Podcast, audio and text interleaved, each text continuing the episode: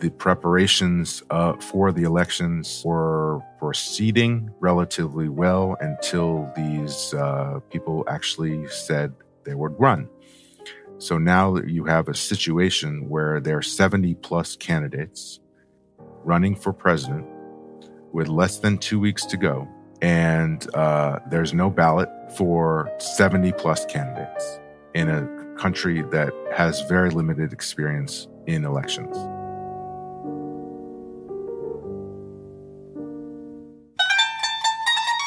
Welcome to a, another episode of the Middle East podcast that today will focus on Libya, a country that we very seldom talk about at all here in Sweden. And to help us understand what's going on there and the repercussions for Europe, we've asked uh, Ben Fishman from the Washington Institute for Near East Policy to be our guest. He also served with the um, State Department and developing policy towards Iran and the Gulf states. And he's also an adjunct assistant professor for security studies at Georgetown University.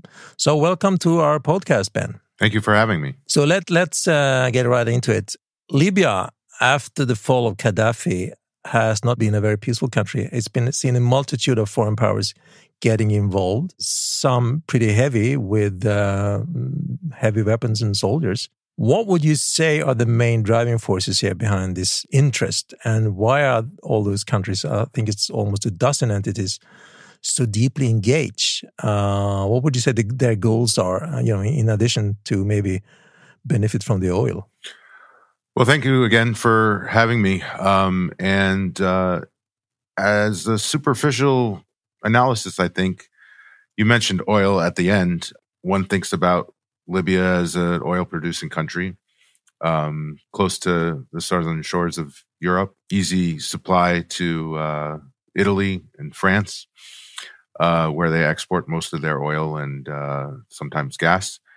But that's not primarily uh, the reason I think that um, these uh, foreign powers like Russia, Turkey, the Emirates, Egypt, um, and of course Europe are interested in the, in Libya um, it's a strategic spot, mm-hmm. thousands of uh, kilometers on the southern Mediterranean shore.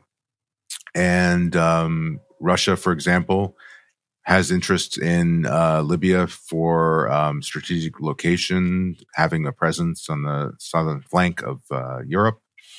Italy, obviously, is uh, aside from Russia uh, issues, it's their main strategic um, focus in their foreign policy.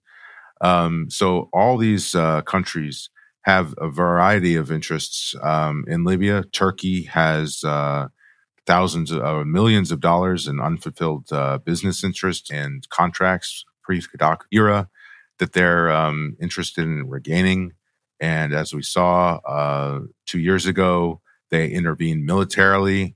Um, uh, and we can get into this later in, in terms of uh, the they uh, intervened militarily to stop the invasion of Tripoli by um, Khalifa Haftar. Khalifa Haftar är idag en av de viktigaste maktspelarna i Libyen. Han deltog i Gaddafis militärkupp 1969 men under 1990-talet då han bodde i USA och också blev amerikansk medborgare blev han allt mer aktiv i motståndet mot Gaddafi. Efter revolutionen 2011 blev han först utnämnd till överbefälhavare av den nyuppsatta regeringen men eh, vägrade sedan sedan att lämna det arbetet och deltog i både det första och det andra inbördeskriget i Libyen som motståndare till regeringen i Tripoli. Framförallt så har han stöd i den östra delen av Libyen. So there is uh, um, a variety of interests, a variety of countries that are focused on Libya. Um, and uh, that has complicated a situation where the country deserves, after 10 plus years, to be uh, in a peaceful transition. And the foreign powers are um, complicating that process, to say the least. Very much so. Okay, so let's back a little bit. Uh, in 1968, I traveled to in Libya with a friend, a history student, who already then thought that Libya could not stay on as a unified country because it was created by force from three separate parts Tripolitania, Cyrenaica, and, and Fezzan.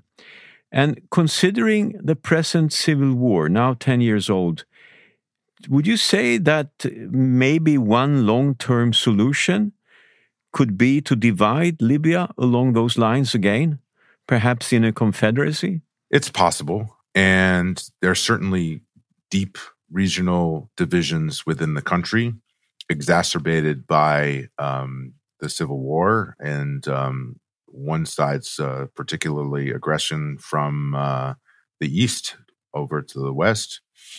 Um, but this is an issue that Libyans themselves need to d- decide. Federalism is not well understood in Libya, or it's understood as um, a concept of breaking apart the country. There are resource divisions that need to be worked out because most of the oil is in the east, um, and uh, the uh, wealth distribution would need to be um, resolved in a in a um, confederation arrangement. I do believe strongly, like many Middle Eastern countries, a process of decentralization needs to take place because usually these governments in Libya, and particularly under Gaddafi, everything was centralized around Tripoli and and uh, him specifically and his family, um, and they have not resolved that issue. But then the um, basically that's a constitutional issue, and a new constitution has not been passed, and that's part of the controversy about the current elections uh, without uh, a firm constitutional basis. Både president och parlamentsvalen som vi talar om här blev inställda och det är oklart när de kommer att äga rum. But would you say there are strong national feelings in this country? Do people feel as if they are Libyans? Or is this, in some respect, mostly a clan society, a tribal society? I think there's strong national identity issues. You saw that during the 2011 revolution specifically. They have a new flag um, that came first. The issue is, I think it's less tribal. Certainly, there's tribal elements in certain areas, even in uh, specifically in the less populated areas in the south. Um, minority issues in terms of uh, ethnic groups, the Tebu, the Tuareg, and others. Um, but Libya is a mixed society, especially in the urban areas. Um, you'll find people from the east uh, in the west, you'll find people from the west in the east, and generations of uh, mixing have um, occurred. So there is a national identity. Uh, the question about uh, the specific arrangements of the country or the specific arrangements of where the governments are located, where the strategic institutions are located, whether there's some mixing be, uh, between the federal government in Tripoli or um, right now the parliament in uh, Tobruk in the east. Um, that remains to be seen, and that remains a constitutional issue that the Libyans themselves needs to work out.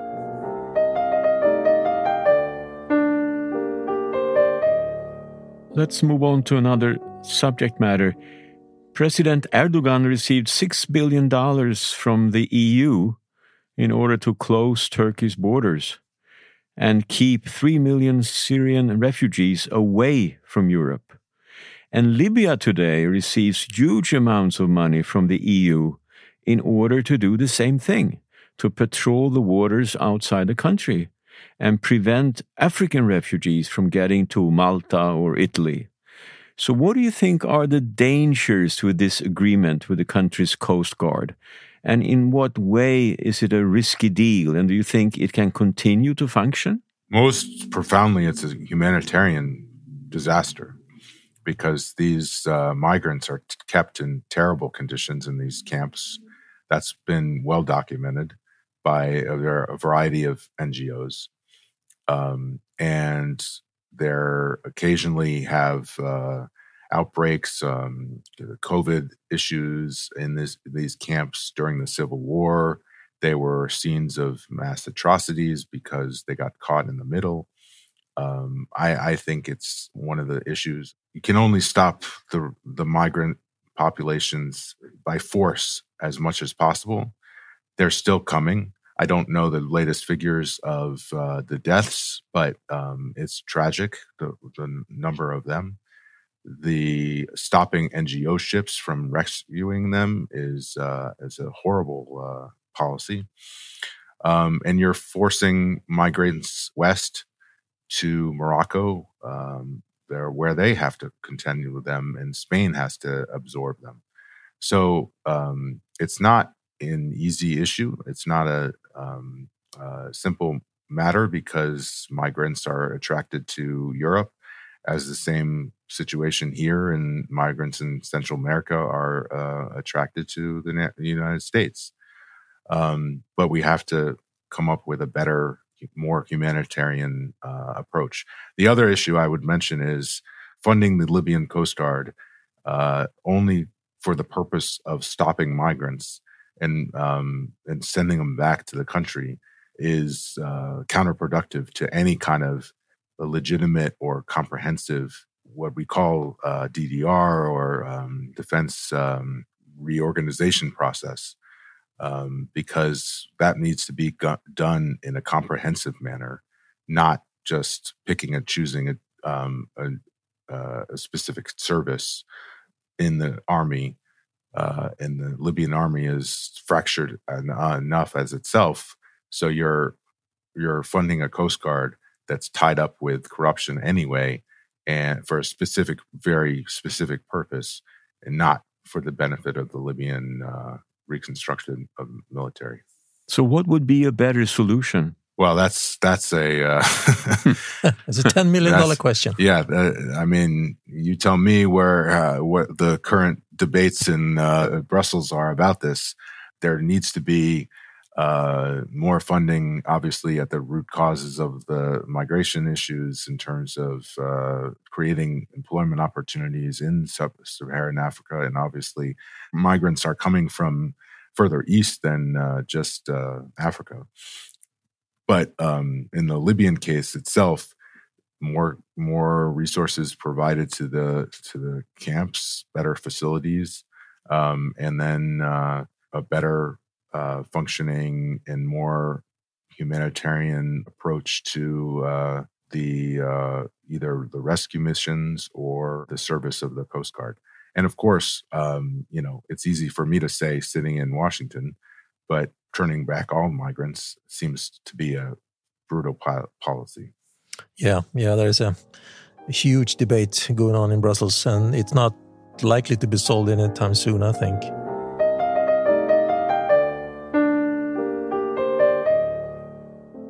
You mentioned in passing here um, the fact that there's going to be a presidential election uh, on December 24th. So, an obvious question is what do you think is the most likely scenario here? I mean, if there is a presidential election uh, at all, we don't really know that. And uh, is there any hope, you think, for a national unity? You, you touched upon that issue uh, before here, but and, and you say there is a national idea of Libya. And do you think, depending on the presidential election, will that be enough to maybe end the civil war? Or is this sort of is Libya too divided, you think, to have an election patching over that and sort of start something new, especially considering the people taking part in the election. Right. So that's the main question for all Libya watchers right now and Libya itself. But let me take a brief step back to um, explain how we got there. Um, in April 2019, Haftar, the military leader in the east, invaded um, Tripoli, launched the invasion against Tripoli. He nearly succeeded. Of course, he promised he would um, succeed in a matter of days. That drag, dragged on because um, for a variety of reasons, but um, mo- mostly the um, fierceness of the defense of Tripoli. But by the end of um, 2019, with the support of Russians and others, they were nearly uh, victorious.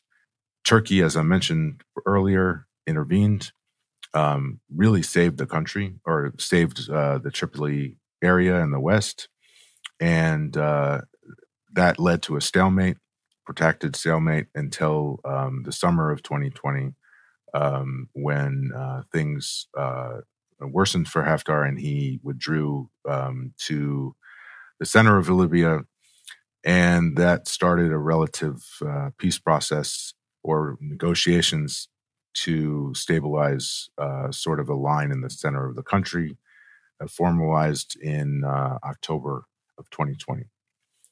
Uh, so the war lasted about uh, a year and a half. The UN stepped in, as they have done before or tried to do before, and created this Libya uh, Political Dialogue Forum, which was an assembly of 75 people um, across the country. And that uh, they set the date of uh, December 24th, 2021, as the target for uh, presidential and parliamentary elections. Since then, for a variety of reasons, uh, the process stalled out. And there, I, I mentioned the constitutional basis earlier. There is no agreed presidential election law, although there is one that the parliament uh, passed, but it's not widely agreed. That sets a presidential system in Libya for the first time with uh, extreme powers to the president. Uh, it's it's uh, contested by other uh, actors, particularly in the West. The preparations uh, for the elections were proceeding well, relatively well, until these uh, people actually said they would run. So now you have a system or a situation where there are 70 plus candidates running for president with less than two weeks to go. And actually, I'm looking at my calendar, it's 10 days to the 24th. And uh, there's no ballot for 70 plus candidates in a country that uh, has very limited experience um, in elections. The main candidates, Haftar, um, who, who, I mentioned before, Saif al Islam, um, and uh, the current prime minister, uh, Dabeiba, have all uh, appealed or uh, has various uh, um, question marks about the, where they're legally able to to run. So, in all intents and purposes, this election is probably going to be postponed. I that's what I've recommended for uh, weeks and months now.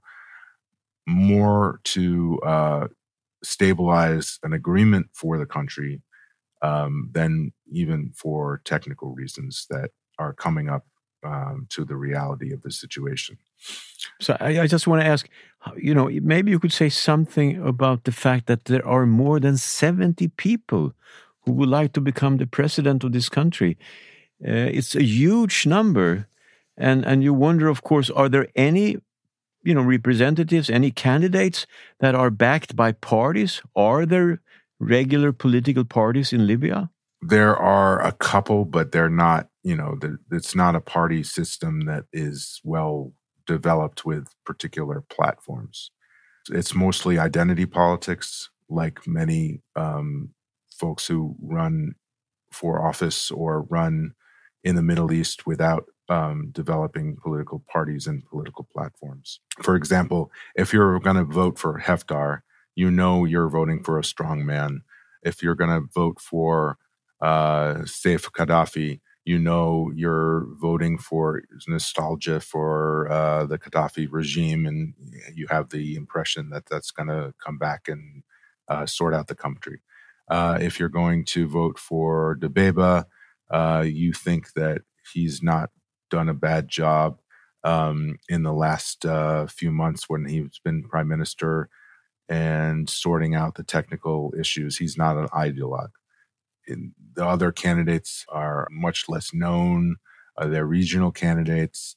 They have some technical experience, maybe, but you know, there's not going to be one most likely that will um, receive a plurality, um, and um, there'll be a runoff but even that, those issues have not been resolved by the commission. Um, so we don't know what the first round will look like, what the second round will look like. Um, so they're still dealing with these issues of who's eligible to run. And as I mentioned, all of those main candidates have been um, challenged for for various reasons, and the court system in Libya has faced threats, but also it's you know it's a barely functioning system. So um, there'll, there'll be appeals and uh, second appeals or something like that. Mm-hmm. But in your view, what would be a best case scenario? What can we hope for? What would be a good development? Is that is that a postponement of yeah, the election? for for for me, um, it's taking more time, mm-hmm. uh, three months, six months, or something, um, to iron out some of these details that need to be resolved. Not just who's eligible to run, but um, what the constitutional basis of the um, poll will be, and um, taking another look at um, securing agreement about the role of the president versus the role of the parliament. We haven't even mentioned the parliamentary elections, which have, uh, I think, upwards of uh, a uh, thousand or two thousand candidates uh, who uh, who want to run, and for months, the international community, the U.S., Europe, were focused on these issues about um, their line was simultaneous parliamentary and presidential elections on December 24th. Well, guess what? That's coming up to reality. That's not going to happen. First, it was clear that the parliamentary elections couldn't happen on the same day. There was too much to sort out. Now, without a ballot even possible um, in in 10 days' time, it's looking like um, even uh, the presidential election has to be postponed. Um, one of the, I think, one of the issues was uh, uh, in the election role or rules. They, the candidates are entitled to two weeks of campaigning. We don't even have two weeks to. Um, we've packed, passed that threshold. Right, and it's virtually impossible to to campaign across the country. Right. I mean, that, that's that, one in itself. It's a very good point.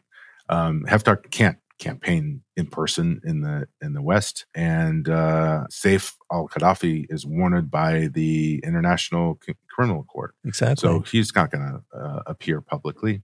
He appeared.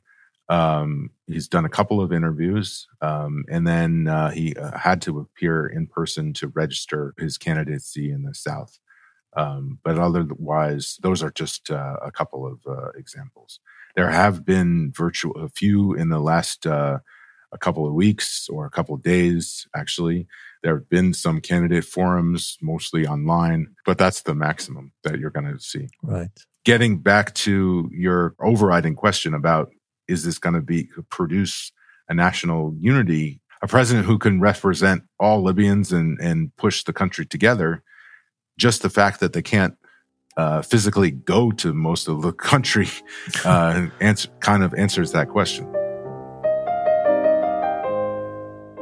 we started off by uh, discussing the foreign intervention here, and uh, you mentioned Russia, of course, and uh, also European countries like Italy, self-evidently. But it's also, I mean, it, it's an Arab country, so it's not very strange that you have Arab countries to intervene. So, can you say something about the Arab interest in Libya? Uh, you know, the Arab countries most actively involved here, and and what repercussions that can have on the country. You know, countries like Egypt, uh, the Emirates, for instance. So Egypt is strategically invested in um, Libya and Libya's east, mainly because of stability issues, and supported Haftar on and off um, throughout the last uh, seven years or so. Um, the Emirates heavily supported them, him, Haftar, during his civil war. They strategically, the Emirates views um, and historically uh, they don't want to see any kind of Muslim Brotherhood, as they term it, government emerge from Tripoli. And uh, Haftar has been, you know, he touts themselves as uh, the anti-Islamist, and Haftar he lunch, lumps any any kind of uh, Islamist to a political Islamist to a revolutionary or um, jihadist, uh, all in one. That has sort of shifted as a result of pragmatism, I think, because Haftar's uh, stature has diminished in the last uh, year af- after losing uh, in Tripoli. But that's not to say the Emirates or uh, the Egyptians are still immersed in his fold. They had the Emirates specifically has um, developed an airport. They supplied him with weapons and drones that were used uh, during the war, Chinese made drones. Um, Cairo has uh, facilitated military actions by the Emirates. Politically, th- things have stabilized a little bit since then, partly because of the shift in Emirati overall foreign policy and, and being less confrontational. I personally am skeptical about that because they could flip on the dime. Um, but that's what they that's what they say now. That's their new approach. That's the impetus of, about uh, uh, reconciling with Turkey, for example. But the Egyptians are trying to play a productive role uh, in terms of st- stabilizing the country. And the last point I'll make about Egypt is they have an immense economic interest in getting a stable Libya together because pre Gaddafi, as you probably know, several million Egyptian workers were employed in Libya. Right. And, uh, you know, sent home remittances, had contracts, etc. So, just for economic reasons, instability in Libya is against Cairo's interests. Flipping to the west, Algeria and uh, Tunisia are less important actors. Algeria historically supports the the West, but not you know their foreign policy is non-interventionist. Morocco has tried to host a couple of uh, summits between um, all parties, but not terribly effectively. Tunisia is obviously most immediately affected by um, uh, economic interests and uh, security interests because a couple of uh, terrorist incidents have happened because um, either Tunisians or others uh, attacked against Tunisia um, were trained in Libya. That hasn't happened most much recently, but obviously Tunisia has Tunisia itself has much more on its plate than right, uh, right. Libya right now. So, Ben, if you would be offered to go to Libya and report, would you go? Is it safe? The country as a whole is not safe. In certain areas, you can go. That said, the United States officially has a travel advisory and saying, I think that American citizens shouldn't go. I haven't been since I was in the government, and unfortunately, that has been uh, since uh, 2012. We don't have an embassy there most of the Europeans have returned embassies. Mm-hmm. You know, I, I debated about uh, if the elections were to be held to join a monitoring mission um, or an observation mission. I still would be interested in doing that, but they're just another example that these elections are problematic as it is. Usually, even in much more complicated situations, the EU or the Carter Center, for example, will send elections observers. Mm. Because of the last minute arrangements of this election, even though we've been calling for it, the US government and others have been calling for, for it for months, there are no planned observation missions, as far as I know.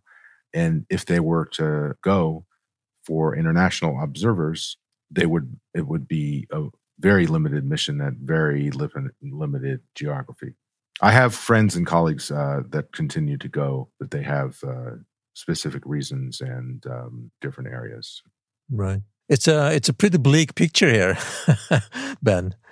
Can you give us can you give us any any any light, any hope for for changes uh, that you can see? Yeah, well, I'm I'm I'm sorry to portray it as such. no, no, no. It's, because it's not your um, fault. I'm deeply interested in the country. Um, I had no background uh, in Libya before I was enlisted to help in the early days of the uh, intervention because the Arab Spring was overwhelming uh, our office at the Middle East Department in uh, the White House. I have uh, a deep affection for the country and its people. There, it's a it's a great society, and they want to vote.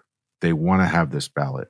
Um, they Right. polling has suggested that, and the election commission has distributed uh, over two million, maybe two and a half million voting cards, and that's an indication of this. Enthu- still, the enthusiasm the people to get through this transitional period. They need help, and the bad actors uh, who are we've discussed before either local bad actors or international bad actors need to stop intervening in the problematic ways. And that's the most important thing that the US can provide right now diplomatic support about uh, in convincing others to let the Libyans handle their own business. I just think that there needs to be more time, better diplomacy, Stephanie Williams is now re-engaged at the UN. She, um, without going into too much detail about the UN processes, uh, the Secretary General reappointed her as his special advisor on Libya. She was the interim um, previously. She knows the issues very well, and if anyone can pull off this election uh, madness, uh, I think uh, she's the best bet. Well, that's something to uh, hold on to. I'm sure we will return to this country when this will be uh, sent. Uh, that will be after Christmas, so we don't really know what's going to happen right now, but we will then. So we will take the liberty to uh, to call on you again, Ben. Um, happy to do it. Thank you very much. Thank you, Ben. for being with us. My pleasure. Nästa avsnitt av Mellanösternpodden kommer den 27 januari. Och då ska det handla om svenskt bistånd till Mellanöstern. Inte minst de många miljoner som svenska skattebetalare ger till det muslimska brödraskapet. Välkomna då!